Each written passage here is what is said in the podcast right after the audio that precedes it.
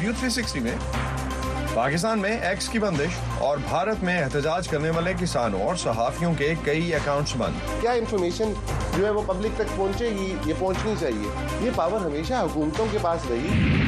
جنوبی ایشیا کی دو بڑی طاقتوں میں سوشل میڈیا پر پابندیاں کس طرح آزادی اظہار رائے کو متاثر کر رہی ہیں جانیں گے آج کے شو میں۔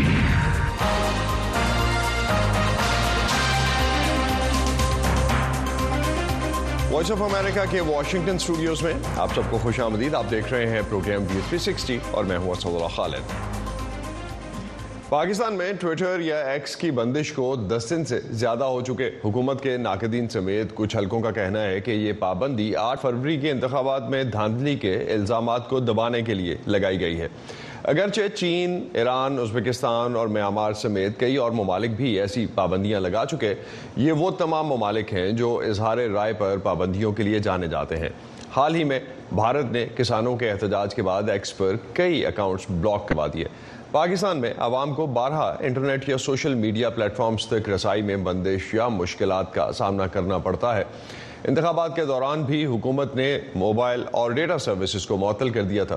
آج کے شو میں ہم بات کریں گے کہ پاکستان اور بھارت دو پڑوسی ملک سوشل میڈیا پر ان پابندیوں سے کیا حاصل کرنا چاہتے ہیں اور اظہار رائے کی آزادی کے لیے یہ پابندیاں کیا معنی رکھتی ہیں۔ پاکستان اور خطے میں ہونے والی development سمیت دنیا بھر سے اہم خبریں اور ان پر تجزیے آپ ہماری ویب سائٹ اردو وی او اے ڈاٹ کام پر پڑھ سکتے ہیں۔ کیا پاکستان میں ٹویٹر کی بندش اور بھارت میں اکاؤنٹس کو block کیا جانا اظہار رائے کی آزادی کو متاثر کرتا ہے۔ کیا ان پابندیوں کو اظہار رائے کی آزادی پر قدغن کہنا درست ہے؟ اور سب سے بڑھ کر یہ کہ کیا یہ انسانی حقوق کی خلاف ورزیاں ہیں؟ وائس آف امریکہ کے نوید نسیم نے یہی جاننے کی کوشش کی۔ پاکستان میں جو الیکشن کے دوران انٹرنیٹ پہ پابندی تھی اور اب جو ہم ٹویٹر پہ قدغن دیکھ رہے ہیں، یہ دونوں بہت پریشان کن developments ہیں۔ اور یہ پریشان کن دو levels پہ ہیں۔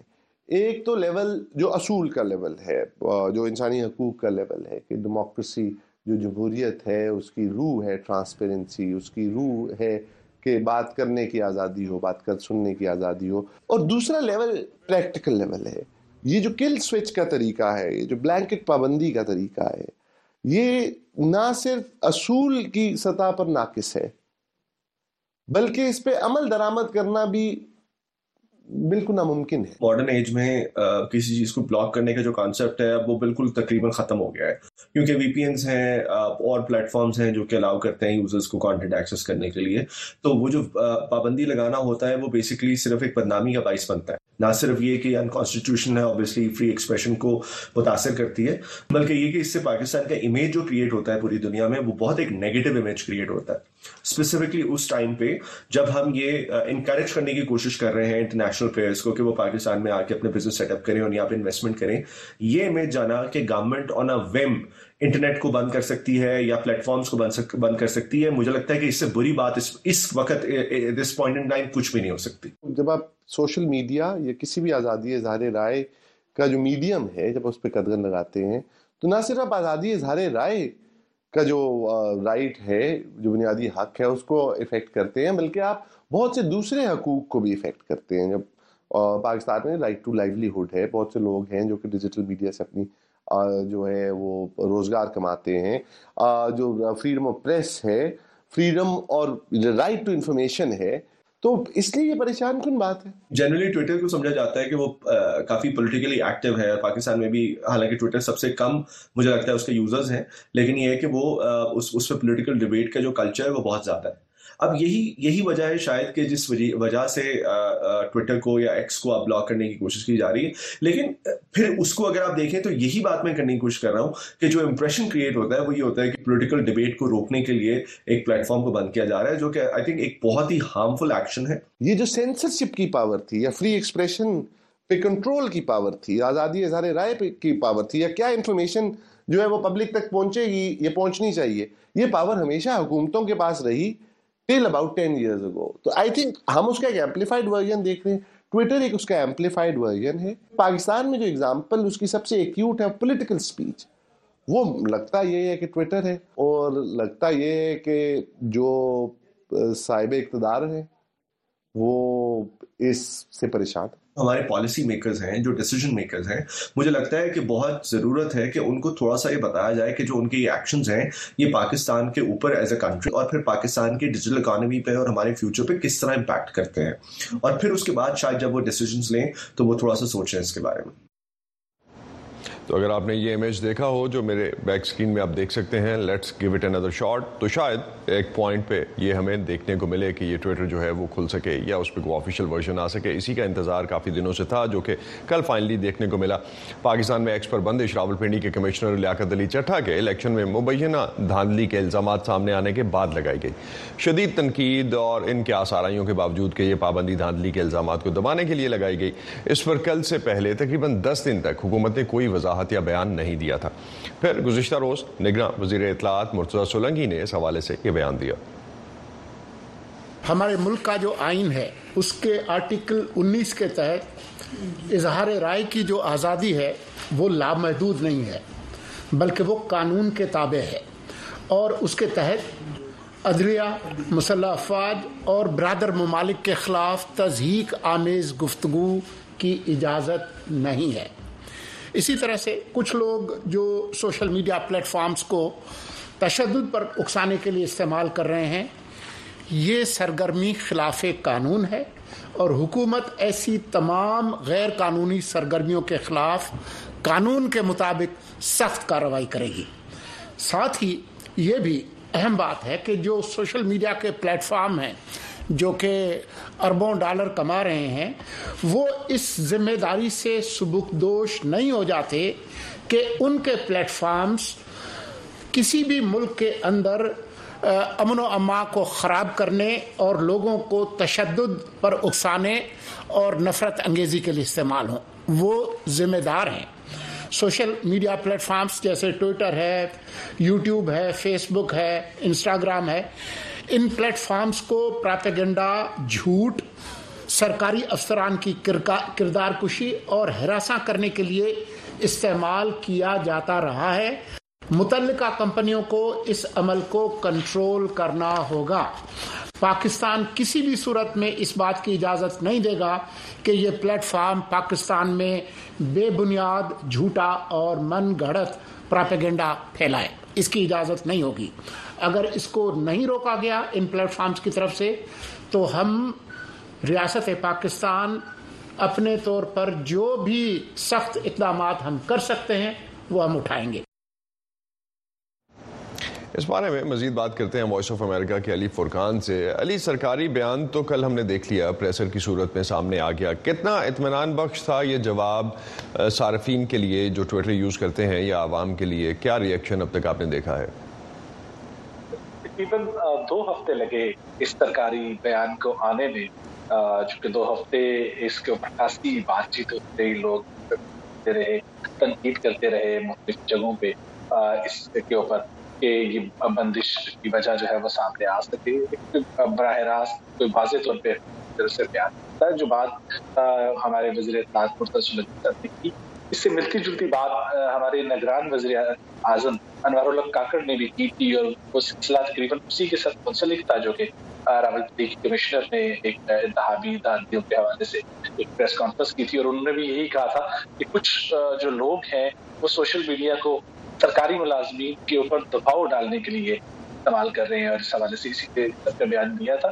تو یہ اس بیان کو یقینی طور پہ ابھی عوامی سطح پہ تو بہت زیادہ بحث میں نہیں آیا لیکن سیاسی طور پہ جو ہے اس پہ بہت زیادہ واضح قسم کی کوئی صورتحال ہمیں دکھائی نہیں دی ہے۔ ماں پاکستان تحریک انصاف جو کہ اس سارے عمل کے اوپر تنقید کرتی ہے اور کرتی رہی ہے انہوں نے اس کو بلا جواز قرار دیا اور اس کا کا یہ کہنا ہے کہ یہ جو عمل ہے، جو ٹویٹر جو بندش ہے، یہ بنیادی طور پہ ان آوازوں کو اور اس احتجاج کو روکنے کی کوشش ہے نگران حکومت کی جانب سے، جو کہ انتخابی دھاندلیوں کو لے کے جو ہے وہ اٹھائی جاتی ہے۔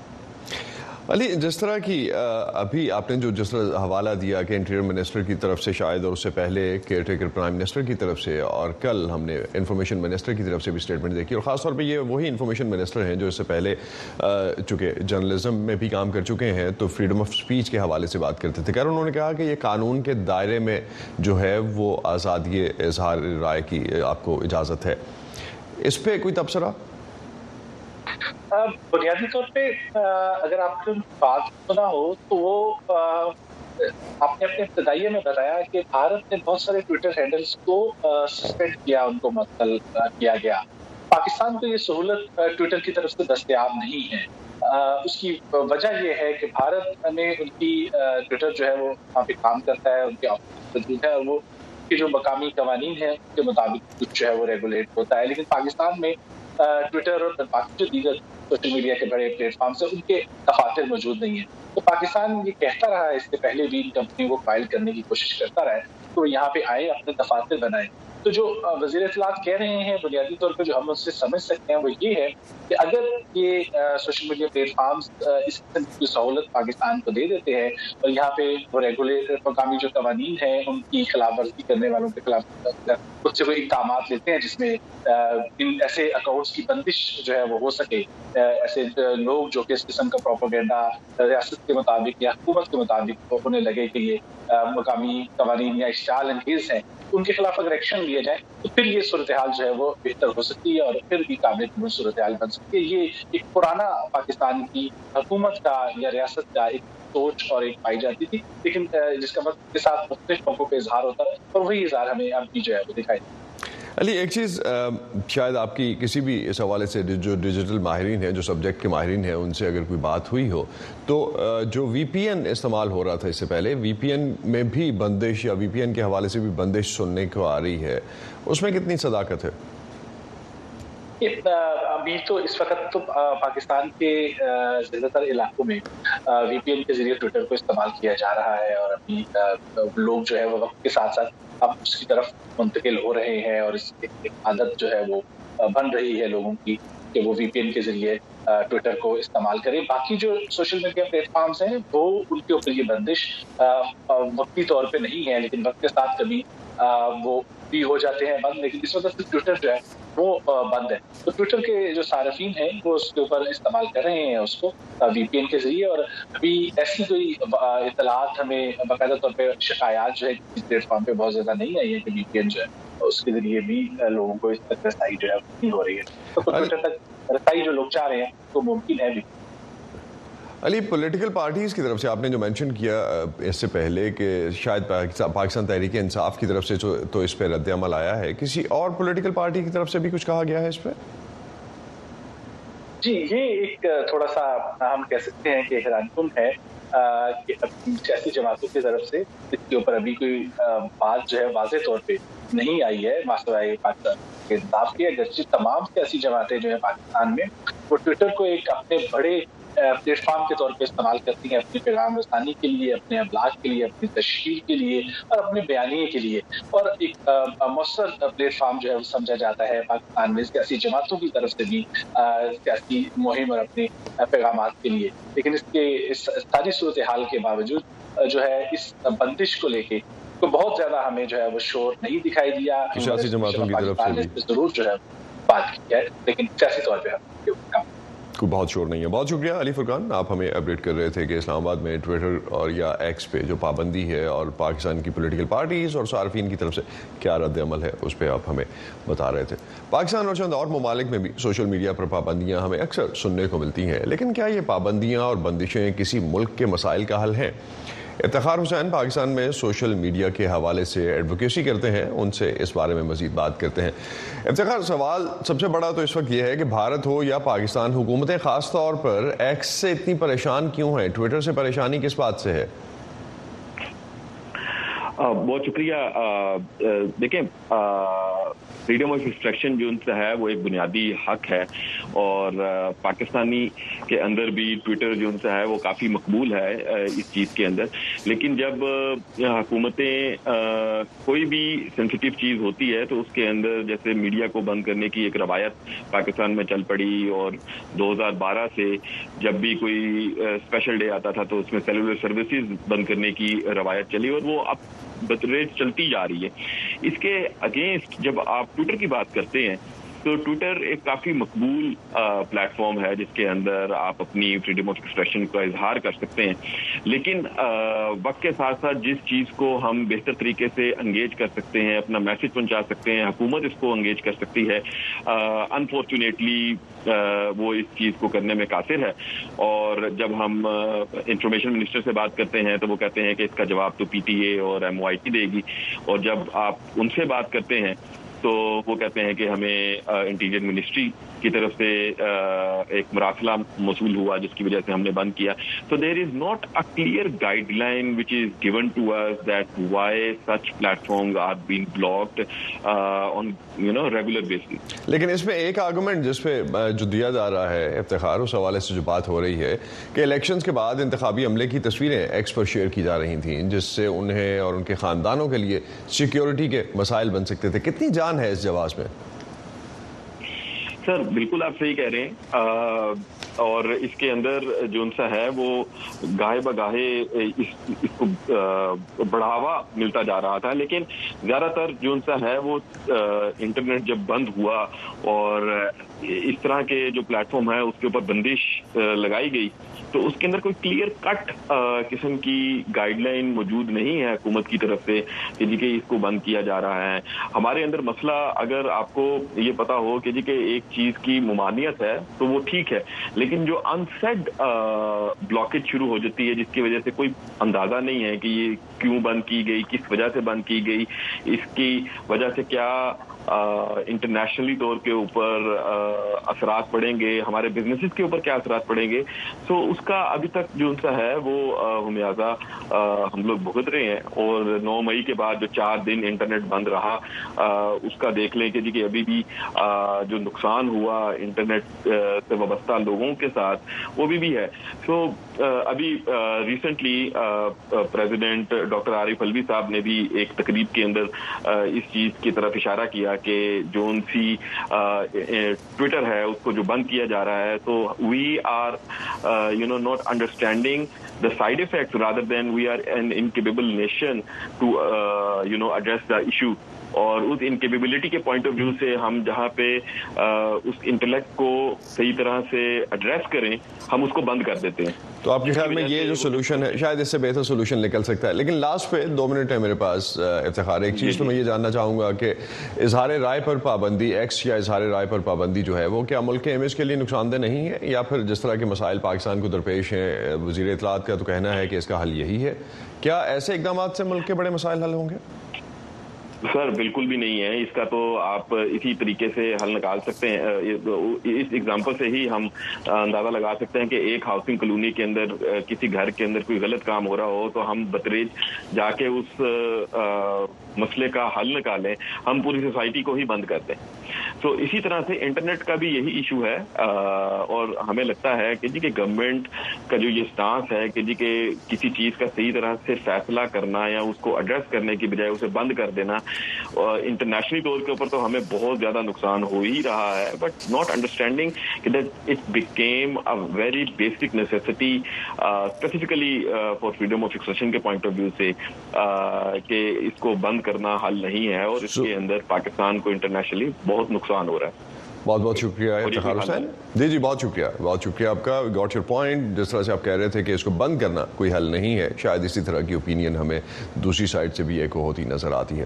تیرہ فروری کو بھارتی پنجاب میں شروع ہونے والے کسانوں کے احتجاج کے بعد سوشل میڈیا پلیٹ فارم ایکس کا کہنا ہے کہ انہوں نے بھارتی حکومت کے حکم کے بعد کچھ اکاؤنٹس اور پوسٹ کو ہٹا دیا ہے۔ ایکس کا کہنا تھا کہ انہوں نے یہ پوسٹ ہٹائی تو ہیں لیکن انہیں بھارتی حکومت کے اس اقدام سے اختلاف بھی ہے۔ مقامی میڈیا رپورٹس کے مطابق اگر ہم دیکھتے ہیں تو بند کیے جانے والے اکاؤنٹس کا تعلق پنجاب میں احتجاج کرنے والے بھارتی کسانوں سے ہے جو اپنے مطالبات منوانے کے لیے نئی دلی کی طرف مارچ کر رہے ہیں۔ بھارتی نیوز ویب سائٹ گاؤں سویرا سے تعلق رکھنے والے صحافی مندیپ پونیا کے ایکس اکاؤنٹ کو حکومت کے کہنے پر بند کیا گیا ہے۔ وائس آف امریکہ کی فائزہ بخاری سے بات کرتے ہوئے انہوں نے کہا کہ بھارتی حکومت آئی ٹی ایکٹ 2000 کے تحت ایسے مواد اور سوشل میڈیا اکاؤنٹس پر پابندیاں عائد کرتی ہے جسے وہ قومی سلامتی کے لیے خطرہ سمجھے۔ مندیپ کے مطابق بھارت میں صحافت کے لیے کوئی بھی دور بہترین نہیں رہا، لیکن موجودہ دور حکومت صحافیوں کے لیے انتہائی مشکل ہے۔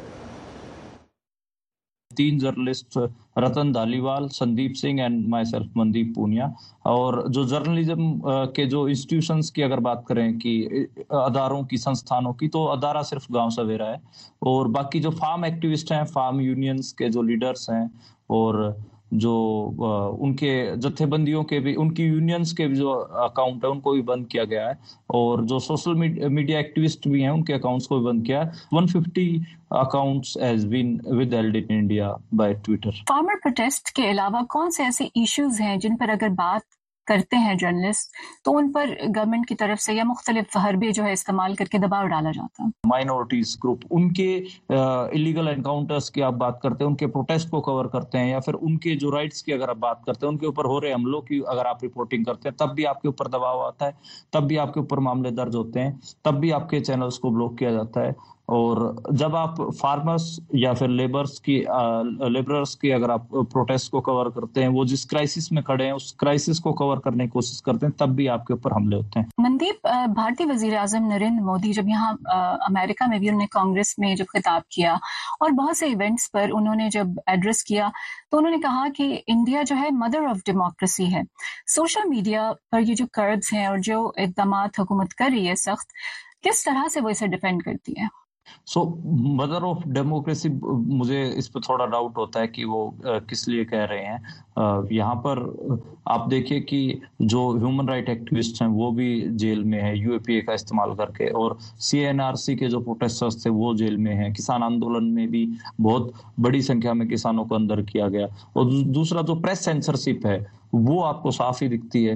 کہ بہت سارے پترکاروں نے آپ کو پتا ہوگا کہ ان کو ان کی نوکریوں سے نکالا گیا کیونکہ وہ گورنمنٹ کے against خبریں کرتے تھے mainstream media سے ان کو نکالا گیا۔ آج کل وہ یوٹیوب پہ یا پھر ڈیجیٹل پلیٹ فارمس پہ اپنا پترکارتا کر رہے ہیں۔ اور جو میڈیا انسٹیٹیوشن جو جو کہ بڑے میڈیا انسٹیٹیوشنس ہیں انڈیا میں، اگر وہ تھوڑا سا بھی stand لے کے یا پھر objectively report میں یہ نہیں کہہ رہا کہ کسی کے against یا کسی کے pro کے رپورٹ کرو۔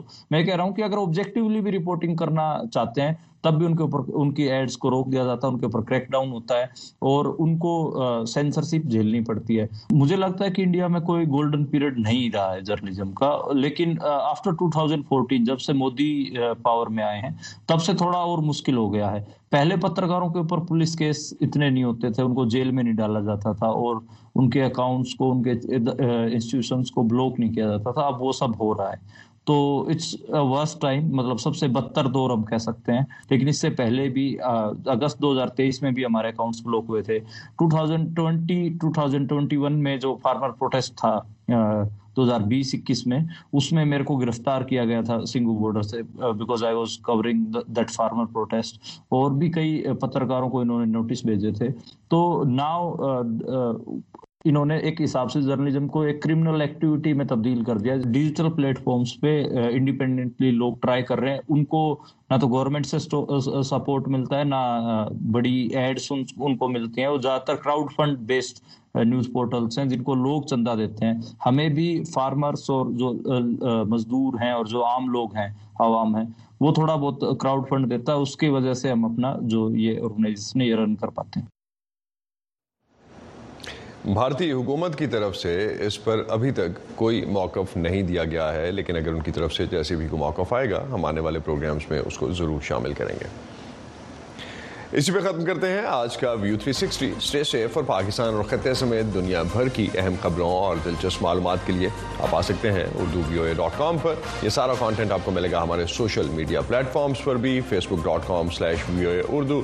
یوٹیوب پر ہمارا چینل ہے VOA اردو کے نام سے اور ایکس اور انسٹاگرام پر ہمارا ہینڈل ہے at VOA اردو۔ اب تک کے لیے اتنا ہی۔ ہے اللہ خالد کو اجازت دیجیے۔ خدا حافظ۔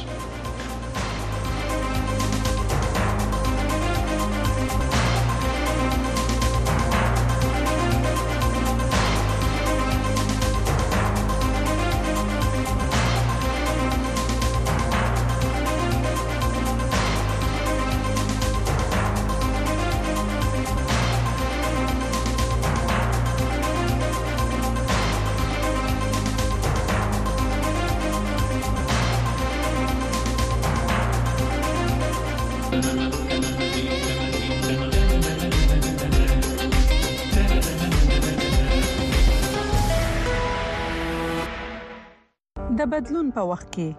کله چې نړۍ د غیر یقیني سره مخامخ کاری او کله چې موږ ساوو هغه هغه شان نخکاری چې څنګه وینو. موږ د اړتیا ولټون کوو موږ ته چې کله نیمګړی قصه ویل کیږي. موږ پر باور بیلو د کڑکېچ په شیبو کې. زمون خوبونه امیدونه او د غوړه سباوند لپاره زمون ارزوګانې آزادې میډیا ته اړتیا لري په وایس اف امریکا کې ممتاز ته داسې خبرونه راوړو چې د قتل لپاره خلک د خطر سره مخامخ کوي مونږ نړۍ سره یو ځای کوو او اړتیا سره پیوست کوو په وایس اف امریکا کې مونږ تاسو ته پوره عکس درخایو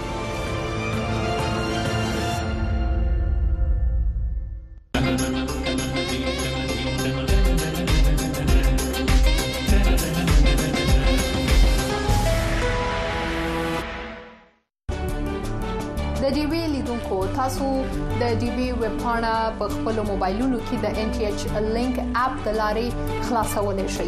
د دې طریقه به تاسو خو چې تاسو په آیفون او په انډراید فون باندې څنګه کولای شئ چې داغه اپ ډاونلوډ کړئ او له هغه ځای څخه د ډي وی ویب پاڼه وګورئ. د ان ټي ایچ لینک اپ ډاونلوډولو لپاره که تاسو سره آیفون وي نو تاسو خپل اپل ستور پرانځئ او که له تاسو سره انډراید فون وي نو تاسو ګوګل ستور پرانځئ له هغه وروسته لټون کې ان ټي ایچ لینک ولیکئ.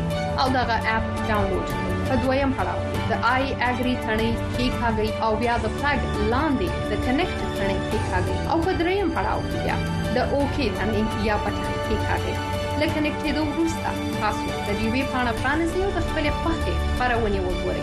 او له هغه ځای تاسو کولی شئ چې د خپل خوښې ټول پروګرامونه ریپورتونه او لیکنې ولولئ او وګورئ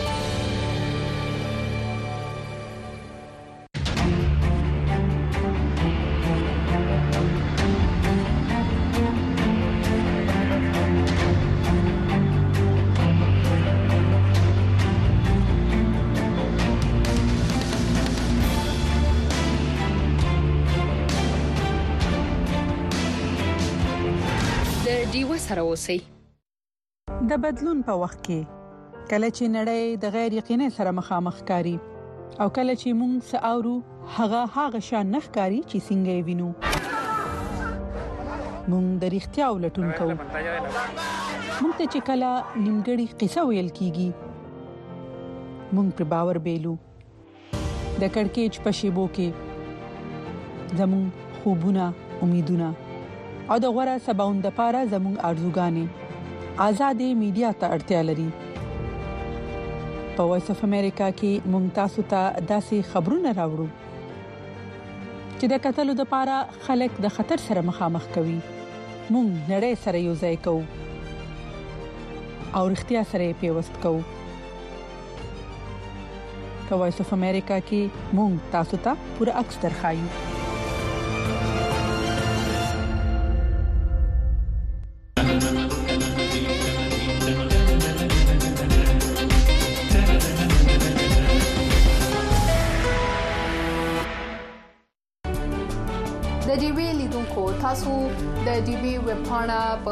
موبایلونو کې د nth Link app د لارې خلاصولای شئ.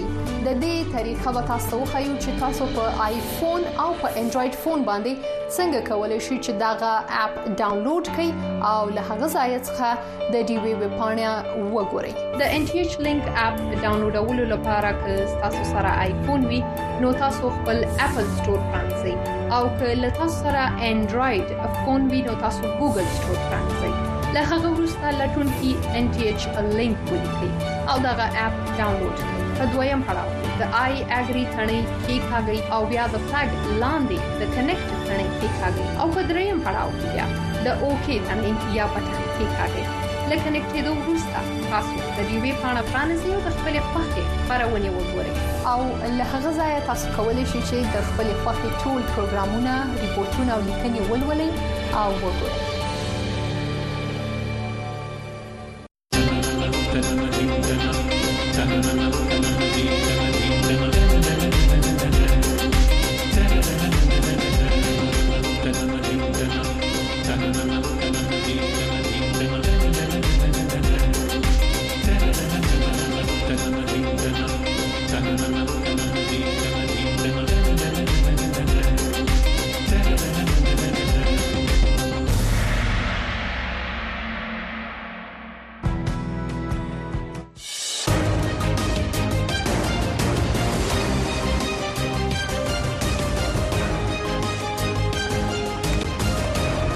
روایت امروز.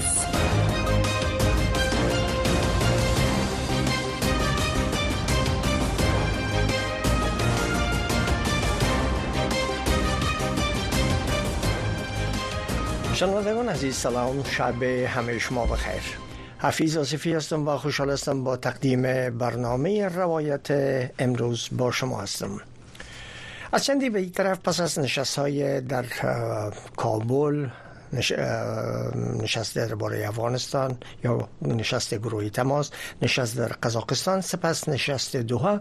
همه در مورد افغانستان و سرنوشت زنان و بانوان که با محدودیت های از طرف حکومت طالبان روبرو هستند متمرکز بود. در آخر در آخرین نشست در شورای امنیت سازمان ملل متحد پشت درهای بسته ای بار. یک بار دیگر مسئله افغانستان هم بار دیگر مورد توجه قرار گرفت.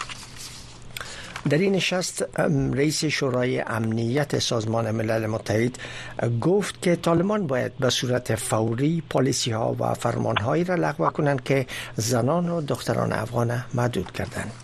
ای در حالی است که شماری از بانوان افغان نشست های پشت درهای بسته را معیوس کننده عنوان کردن و گفتند که آنچه در مورد زنان دختران و افغانستان میگذرد مسئله مهمی است که نباید پشت درهای بسته در اون مورد صحبت کنیم. در نشست حاضر در رابطه به مسئله افغانستان اولویت دادن محدود لغو محدودیت ها علیه دختران و زنان افغان صحبت می‌کنیم. مهمان محترم برنامه ما بانو شعلا فرید استاد پیشین فاکولته حقوق پانتون کابل و فعال حقوق زنان است که همیل از در خط تلفن با ما هستند. بانو فرید سلام با شما. تشکر که دعوت مرا پذیرفتین. صدای مرا بله من هم از سلام و اکرامات دارم. به شما و شنوندای محترم شما و خدمت بنایت تشکر از حضور شما. همین رقم که من در مقدمه کوتاهی گفتم از چندی به این طرف هست که افغانستان بار دیگر در میراق توجه ها و نشست های پای در پای قرار می‌گیره.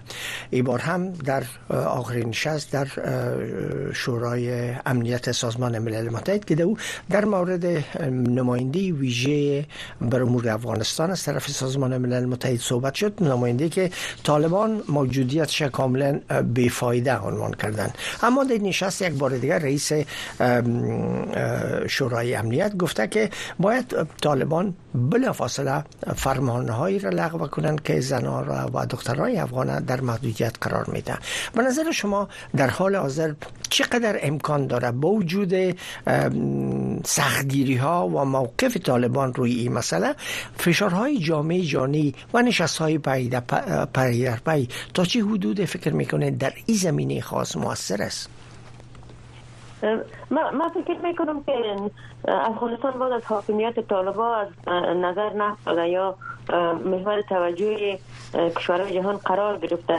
و هم در حالتی که جهان فکر می‌کردن که طالبا در حاکمیت دوم خود متفاوتتر عمل می‌کنن بله. و امکان داره که تغییراتی که به طالب آمده تجربه حاکمیت قبلی خود اینا تکرار نکنه جهان با این مورد نظر داشت از این موضوع که جنگ در افغانستان ختم میشه و قوای نظامی امریکا و ناتو از افغانستان بیرون میشه. افغان خودشان می‌تونن یک حکومت را برای خود بسازن که طالب جز از واقعیت از جامعه است. البته ما فکر می‌کنم اشتباهی که جهان فکر کرده ارتباط کشورهای کمک کننده حداقل فکر کردن که طالب واقعیت جامعه افغانستان است. ما می‌تونیم بگوییم که یک قسمت از واقعیت جامعه افغانستان است و مردم افغانستان واقعیت های اصلی هستند که در جریان 20 سال جنگ را بیشترین صدمات دیدن. و فکر می‌کنم صدای زنای افغانستان و نقض حقوق بشری و حقوق زنان در افغانستان پس از حاکمیت طالبان بیشترتر امروز افغانستان محور توجه سازمان ملل متحد و کشورهای منطقه قرار داده. از یک سوی از یک دیگه تنش هایی که در بین قدرت های بزرگ جهان در ارتباط به قضایای دیگه که در جهان است مثل جنگ روسیه و اوکراین جنگ فعلا غزه جریان داره. اینا جهان به نوع مصروف خود ساخته. ولی افغانستان هیچ وقت در اثر فعالیت های زنا کوشش های زنا و مبارزات را که جنبش ها و حرکت های زنا برای انداختن جایش در جهان خالی نماند یا حداقل فکر جهان خود جلب کرد. با وجود که امروز در سازمان ملل متحد حکومت طالبان یا گروه طالبان که در افغانستان حاکم هستند نماینده خود نداره ولی باز هم مورد توجه قرار گرفت. من فکر می‌کنم می کار کرده خود نهادهای مدنی نهادهای فعال حقوق بشر و خصوصا زنای افغانستان است این خودش یک یک بحث بسیار کلان است که امروز افغانستان تونسته یک بار دیگر محور توجه سازمان ملل متحد قرار بگیره این به این مفهوم است که در دو سال گذشته افغانستان به یک منطقه بفر هنوز هم مطرح است یک بفر سیاسی هست هنوز در جهان افغانستان من حیث اولین کشور است که حکومتش در ظرف دو سال به رسمیت شناخته نشده. اولین کشور است که دو میلیون دختر جوان از تحصیل محروم است شاید یگانه کشور در جهان باشه که افراد جوان یا جوانای افغانستان با دست, داشت با دست داشتن دیپلم پیشدی و ماستری بیکار هستند و روی آوردن به کراچیوانی و دکانداری در افغانستان. بحران اقتصادی مواجه افغانستان است در اثر حاکمیت غیر معقول طالبان در افغانستان. لذا من فکر می‌کنم که یک راه یا یک گام برداشته شده که به نوع به طرف حل بحران افغانستان قدم های نخستین سازمان ملل متحد و کشورهای منطقه و کشورهای زیر دخل و علاقمند به موضوع افغانستان بردارند. ولی من فکر می‌کنم یک سوی کلان از این گام ها باید خود مردم افغانستان باشه. بله. طالبان امروز نمی‌تونن از, از کل مردم افغانستان نمایندگی کنند. چرا میلیون ها نفوس افغانستان و بیرون از افغانستان مجبور به مهاجرت شدن مجبور به تبعید شدن از افغانستان. و همچنین میلیون ها زن در داخل افغانستان محصور هستند. و اجازه ندارن که تا برای گرفتن اکسیژن در فضای باز آزاد گام بگذارن لذا من فکر می‌کنم یک, یک راه برای برای حل بحران افغانستان مطرح است و اقدام نیک است و یک امیدواری برای بله. مردم افغانستان که امروز از تمام راه ها برایشان مشکلات خلق شده یک امیدواری برای مردم افغانستان که بتونه یک راه برای حل مشکل افغانستان باشه و خود مردم افغانستان هم در اون نقش داشته باشه. یعنی ما در این شرایط افغانستان و خصوصا زنای افغانستان این پذیرفته نمی‌تونن که بحث در مورد افغانستان در عقب دروازه های بسته باشه. بله. مگر اینکه بعض وقت نشست ها و تصمیمی که شورای امنیت سازمان ملل متحد می‌گیره منحصر به خود اعضای دائمی و اعضای دائمی و غیر دائمی سازمان ملل متحد محدود میشه. من فکر می‌کنم این بار بس در برای افغانستان در عقب دروازه بسته یک وظیفه شورای امنیت سازمان ملل متحد بود که به این شکل پیش ببره بله. یک مسئله دیگه هست که بیشتر کارشناسا در این مورد صحبت می‌کنن و سوال های هم مطرح میشه. و که خب بیگمان که مسئله حق تحصیل و کار بانوان وانچه اونا از محروم شدن از تمام آزادی های اجتماعی در اولویت قرار داره. اما تنها این مسئله نیست که طالبان با آزادی ها قبول آزادی ها با بانوان همه چیز گل و گلزار باشه و مشروعیت به دست برن مسئله قانون در حال حاضر قانون اساسی در افغانستان نیست. هرچند طالبان میگن که شریعت نافذ است. رقمی که شما در جریان هستین دو نفر در غزنی و یک نفر در جوزجان اعدام شدن بدون کدام محاکمه علنیه همچنان آزادی رسانه ها هم در مورد در چنین شرایط نقص شده. یعنی تنها یک مسئله نیست. حکومت همه شمول. حکومتی که نماینده همه اقوام باشه. چرا به نظر شما جامعه جهانی تنها بیشتر روی یک نکته فشار وارد می‌کنند که او هم بانوان آزادی ها برای زنان و دختران افغان است؟ من فکر می‌کنم که بحث تنها دخترها و زنای افغانستان نیست یا بحث تنها نقض حقوق بشری در افغانستان نیست در قرن 21 طالبان نتونستن یک منطق سیاسی را که اون منطق سیاسی زاده بتانه افغانستان حاکم شود که یک بار دیگه قوانین افغانستان خصوصا قانون اساسی مصوب سال 1382 که قانون بود که در منطقه شبیه از قانون نبود یعنی بهترین قانون بود برای مردم افغانستان بله. هم حقوق و تکالیف مردم افغانستان تعیین کرده هم نحوه حکومت داری در افغانستان و هم هم حتی تاکید بر عدالت اجتماعی و بر عدالت رسمی که از طریق قوه قضایی افغانستان اعمال شود و با تصویب قوانین و اصلاح قوانین یک پروسه بسیار کلان را مردم افغانستان با موفقیت با همکاری جهانی تانستن تای کنند لذا منطق حاکم طالبا ای است که تمام قوانین که می‌تونست عدالت در افغانستان تامین کنه و دقل مردم به حقوق و تکالیف اجتماعی خود در روابط اجتماعی و در روابط خود بنا به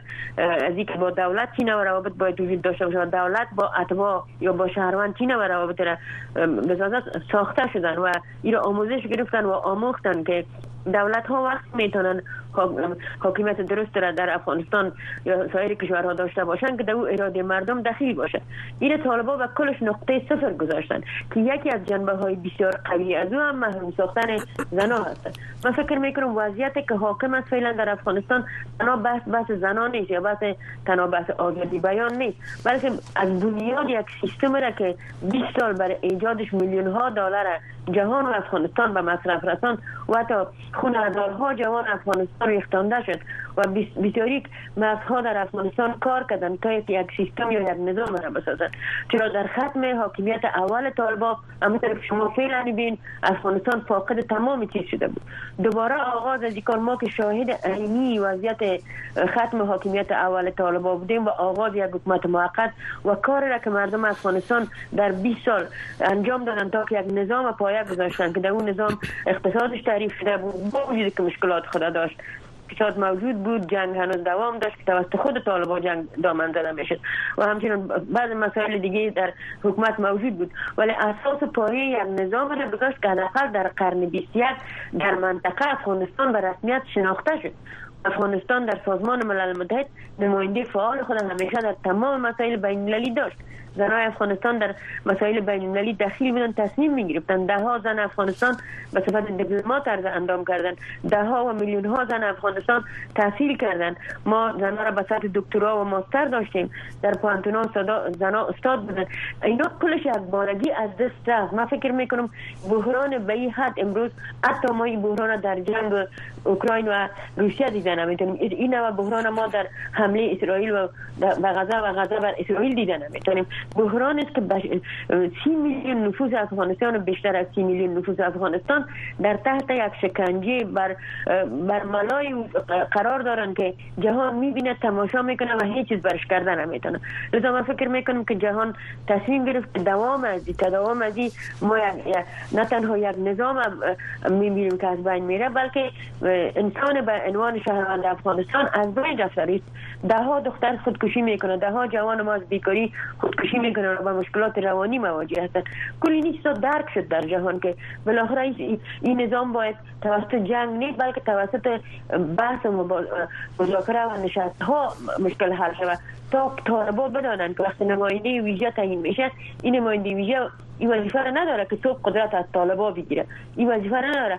بلکه اینا می‌خواین که طالب من حیث یک واقع یکی از واقعیت افغانستان در کردن مسئله افغانستان حل کنند لذا فکر می‌کنم که اگر در این جریان طالب با یک منطق سیاسی سهم می‌گیره خب مشکل حل میشه. که نه تنها مشکل اما اما بانو فرید مشکل همینجاست مشکل همینجاست که طالبان حاضر به گفتگو نیستند به هیچ وجه و از موقف خود کوچکترین عقب نشینی نکردن جنجال در همینجاست درست است؟ آیا به نظر شما موجودیت یک نماینده ویژه که اگر از طرف سازمان ملل متحد تعیین میشه در حال حاضر طالبان مخالفش هستند آیا این زمینه را آماده خواهد ساخت طالبان متقاعد و گفتگو بکنن ببینید وقت نماینده ویژه انتخاب میشه او یک یک مامور سازمان ملل متحد برای حل بحران افغانستان. اونا هم ما برای حل بحران مخالفین افغانستان هستیم. میگم برای حل بحران افغانستان که در مدیریت از بحران طالبا عاجز مانده.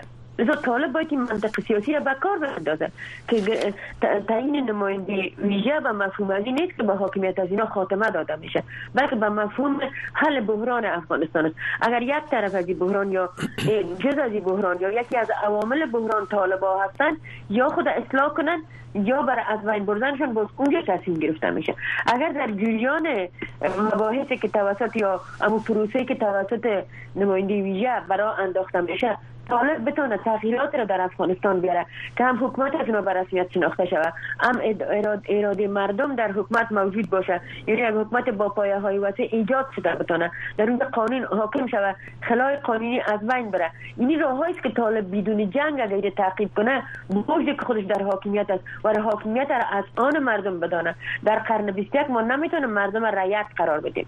در قرن 21 ما نمی‌تونیم که اگر مردم انتقاد از یک ملا می‌کنه تصویر یک ملایی که هنوز ندیدن حریق می‌کنن اونا به دو سال حبس محکوم شون یا پنج سال حبس محکوم شون شما ببینید خانم را امروز در زندان مندازن و دو سال حبس برش حکم می‌کنن که گل تصویر از ملا حیبت الله را حریق کرده. چرا حریق کرده؟ ملا حیبت الله 80 فرمان را صادر کرده آزادی زن ازش گرفته. حقوق اولی زن که اسلام برش داده وقت تاثیرش ازش گرفته. پس اگر او حریق کرده تاثیر از بنا به دردی که بر از رسیده. آیا طالبا درد درمان می‌کنه یا مریض از بین می‌برن؟ یا هنوز هم کلش می‌کنن مریض از بین می‌برن مریضی که عامل مریضیش خود طالبا هستن. من فکر می‌کنم یک منطق سیاسی دکاره که با تعیین نماینده ویژه و بحث با طالبا می‌تونم این منطق به وجود بیاید که طالب پیش از که مریض از بین ببره عامل از اون میکروب از از بین ببره. اون باکتریایی که سبب از این مریضی شده در افغانستان او را بهتر از بین ببره. لذا من فکر می‌کنم که در بین خود طالبا هم از افراد هستند که از نوع حاکمیت فیلی طالبا خسته شدن. و اینی خودش یک راه هست برای حل این پرابلم. من فکر می‌کنم کشورهایی که طالبا را همکاری می‌کنن مثل چین و روسیه یه باید برای طالبا بفهمانن که ای که شما اشتراک نمی‌کنید در مباحث ای که شما نماینده ویژه را نمیپذیرین این راه موفقیت شما نیست. بالاخره کمک هایی که تا فعلا شما را زنده نگه داشته و حیاتی بوده برای تداوم حاکمیت. شما هفته 40 میلیون دلار است که برای شما می‌رسه. اگر یک ماه برای شما نرسه شما در ماه آینده و الان مشکل برمیخورید و دو ماه سه ماه اگر بگذره شما مجبور میشین که دست به دامان کشورهای دراز کنین که کشورها شما را به حیث برده و به حیث یک, یک, مستمره خود از شما استفاده می‌کنه. این بسیار زود می‌تونه وضعیت را که افغانستان داره افغانستان به یک صوبه پنجم پاکستان تبدیل شود بسیار زود می‌تونه توسط خود طالب آماده شد بله. تشکر. ببینین بانو فرید در شرایط حاضر اگر ما یک مثلث در ذهن خود ترسیم بکنیم که در یک رأسش حکومت طالباست در یک رأسش جامعه جهانی و در رأس دیگهش مردم افغانستان. در صورتی که گفتگوها صورت بگیره و طالبان متقاعد شوند با گفتگو, با گفتگو به میز مذاکره بشینن با کی گفتگو کنن؟ آیا با چرای حکومت پیشین؟ آیا با چرایی که تانوس شناخته نشدن و یک اپوزیسیون واحد تشکیل نشده؟ گفتگوها با کی صورت بگیره؟ و مهمتر از همه که در چنین شرایطی که طالبان حاکمیت دارند در افغانستان چرا باید گفتگو کنن؟ بفرمایید. ما بیشتر تشبیه به یک مثلث نمی کنم وضعیت ما بیشتر تشبیه به یک هرم می کنم ما در شرایط فیلی که سازمان ملل متحد متوجه شده و افغانستان باید یک عضو فعال سازمان ملل متحد خصوصا در 20 سال آخر بوده من فکر می‌کنم در رفع از هرم مجبور میشه که سازمان ملل متحد قرار بگیره. چون سی میلیون نفوس سی میلیون بشر در افغانستان در حالت محو شدن. یک میلیون از در بیرون از افغانستان. با هزارها مشکل مهاجرت اینا بله. برمیخورن و وجود داره. هزارها جوان ما امروز در بهرها اساس برآمدنشون از افغانستان طرف میشن و از بین میرن. اگر همسایه های افغانستان کشی خود در اطراف افغانستان بیشتر نسازه و قیودات وجود نداشته باشه شاید در یک هفته هیچ نفوسی در افغانستان بجز از ده هزار طالب باقی نمانه. این وضعیت است که وجود داره و سازمان ملل متحد درک کرده. مثلا من یک تشبیه به یک هرم می‌کنم که در راسش فعلا سازمان ملل متحد می‌خواد قرار بگیره و مشکل از این هرم که جوانبش خراب می‌سازه اقدام کنه. در در وسط از این هرم طالبا قرار داره و در قاعده از این هرم مردم افغانستان قرار داره که قاعده هرم اگر شما متوجه باشین وسیع از مردم افغانستان. مردم افغانستان در آخرین روزهای حوصله مندی خود قرار داره. بالاخره اینو اگر امروز صدای واحد نیستن ما مخالفین سیاسی طالبا را که گروه های حاکم سابق بودن اونا را به عنوان مردم افغانستان نمی‌خوایم که طرف مذاکره و اصلا سرش بحث نمی‌کنم. بله. امو قماندان ها و امو رهبرای جهادی که منشه جنگ امروز افغانستان منشه پرابلم امروز افغانستان امونا هستن. بحث ما اونا نیستن. ولی ام این هم در نظر بگیریم که گروه هایی که ما امروز میگیم که اینا نتونستن هیچ وقت بر افغانستان راه حل باشه روزی تانستن و قدرت بزرگترین قدرت استعماری را که روسیه بود در داخل افغانستان یا شوروی وقت ناشکست بتن با جهاد خود. و اینکه انقلاب ها انحراف حاصل می‌کنه در افغانستان اینکه تحولات منحرف میشه در افغانستان این مشکل مردم افغانستان نیست بلکه جنگ استراتژیک ژئوپلیتیکی که همیشه در جریان تاریخ در افغانستان موجود بوده. که هر تحول را مردم افغانستان خواستن در داخل افغانستان بیارن با مداخله رقبای استراتژیک که در منطقه حاکم هستند و مشکلات ژئوپلیتیک که در همیشه در افغانستان با او مواجه بوده با او منحرف میشه. من فکر می‌کنم الان هم بعد از کشورهای منطقه در این فعالیت هستند که امریکا تو افغانستان باز در محور توجه سازمان ملل متحد قرار گرفته با نوع به اصطلاح کمک با طالبا این منحرف بده طالبا اگر تاریخ افغانستان خوانده باشد تاریخ طالبان اگر موقعیت ژئوپلیتیک افغانستان درک کرده بتانند اینا یک منطق سیاسی را به کار و محور مذاکرات مردم افغانستان قرار میدن. خودشان بلکه این مذاکرات تنها و یا مباحثی که در ارتباط با افغانستان می باشد طالبا او وقت ما می‌تونیم بگوییم که از منطق سیاسی برخوردار هستند. بعضی گروه حاکمی که فعلا هستند. فقط بحران برای مدیریتش مدیریت مدیریت کنن. فقط بگذارن که مردم طرف حل قضیه قرار بگیره با سازمان ملل. جنجال نیست که آیا نماینده مردم کی خواد بود؟ بانو فرید. آیا نماینده مردم کی به نمایندگی از مردم باید صحبت بکنه؟ میلیون نفوس افغانستان که بیرون شدن من کی هستم در افغانستان؟ جنبش های زن... حرکت های زن افغانستان باش یگانه انترنتیش یا باش یگانه یگانه مخالف طالبا کی هستن؟ آیا میلیون مرد افغانستان که دخترایشان از مکتب باز مانده از حق اساسی صدا بلند کردن آیا دو میلیون دختر که به جاده برای و به سرک برای اینا پدر دارن یا ندارن؟ اینا خانواده دارن یا نداره که فعلا هم طالب بر از بیشترین مسئولیت هم میده به سرپرست وقتی که ما مردم افغانستان هنوز تعریف کردن نمی‌تونیم من فکر می‌کنم میلیون نفوس افغانستان منفی از مخالفین من منفی از گروه های سیاسی منفی از رهبرهای تنظیم ها میلیون جوان تحصیل کرده افغانستان که سند تحصیلیش به دست شد و امروز از بیکاری ما در از بیکاری در امریکا رنگ می‌برم. ولی کشور ما بر, بر ما بهترین جای بر, بر کارم بود. مثل من ما به این سنتم ولی جوانای افغانستان امروز نیروی و نیروی کار کشور امریکا و اروپا تبدیل شده. اینا کی هستن؟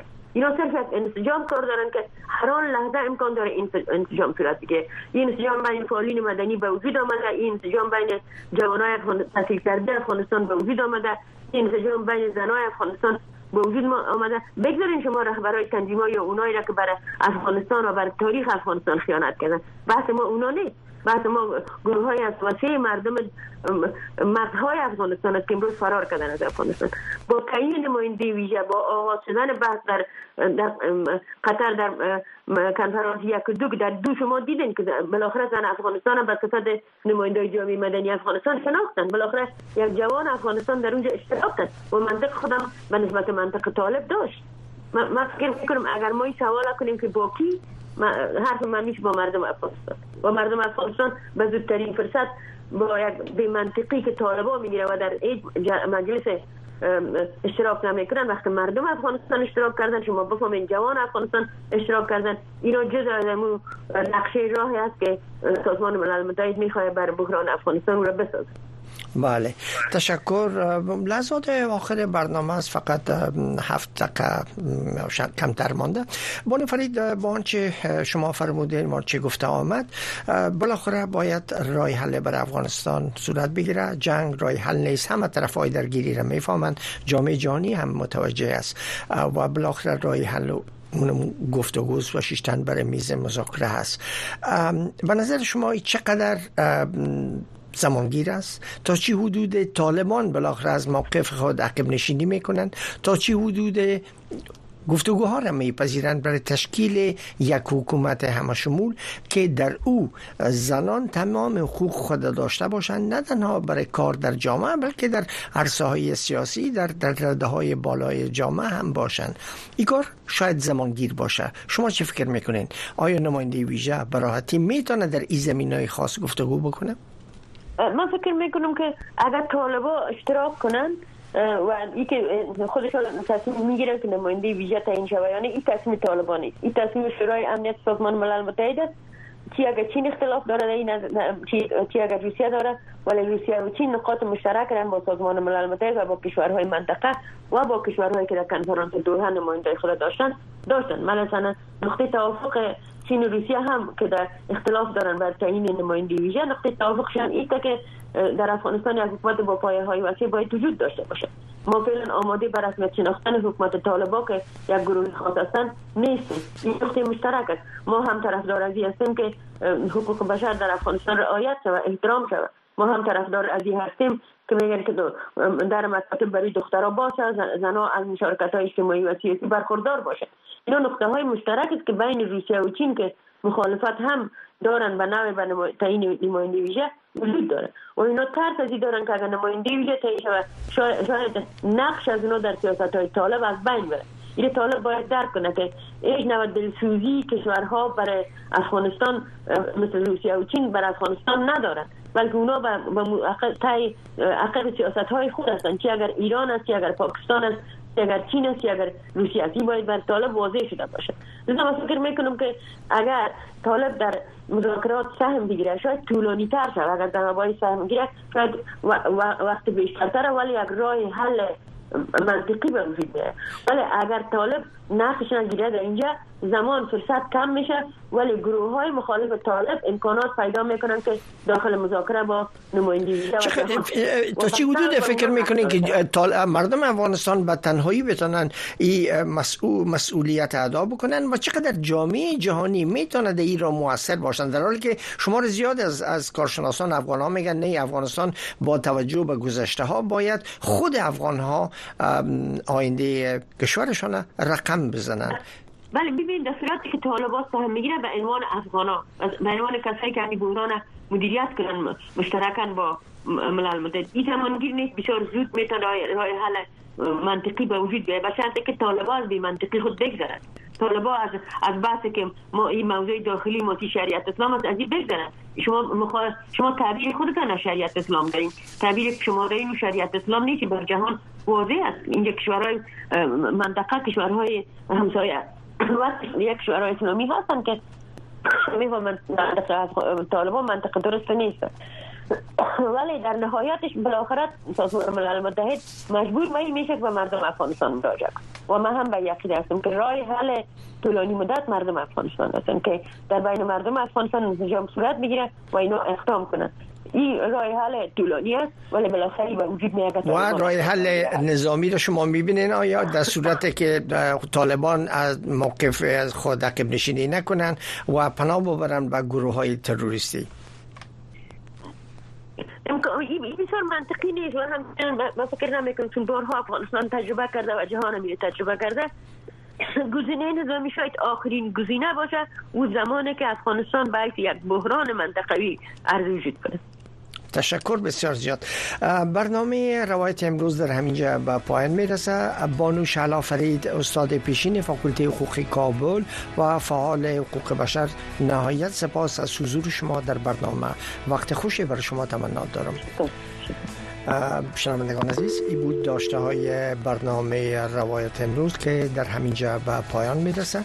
اما نشرات پشتو و دری رادیو آشنا صدای امریکا همچنان ادامه دارم. برنامه بعدی ما ستاسو ژغ یا صدای شماست که همکاران بانو نوشاب آشنا و فرخنده پیمانی او را گرداندگی می‌کنن شما هم می‌تونید با گرفتن شماره 001 202 980 68 20 تماس بگیرین با ما.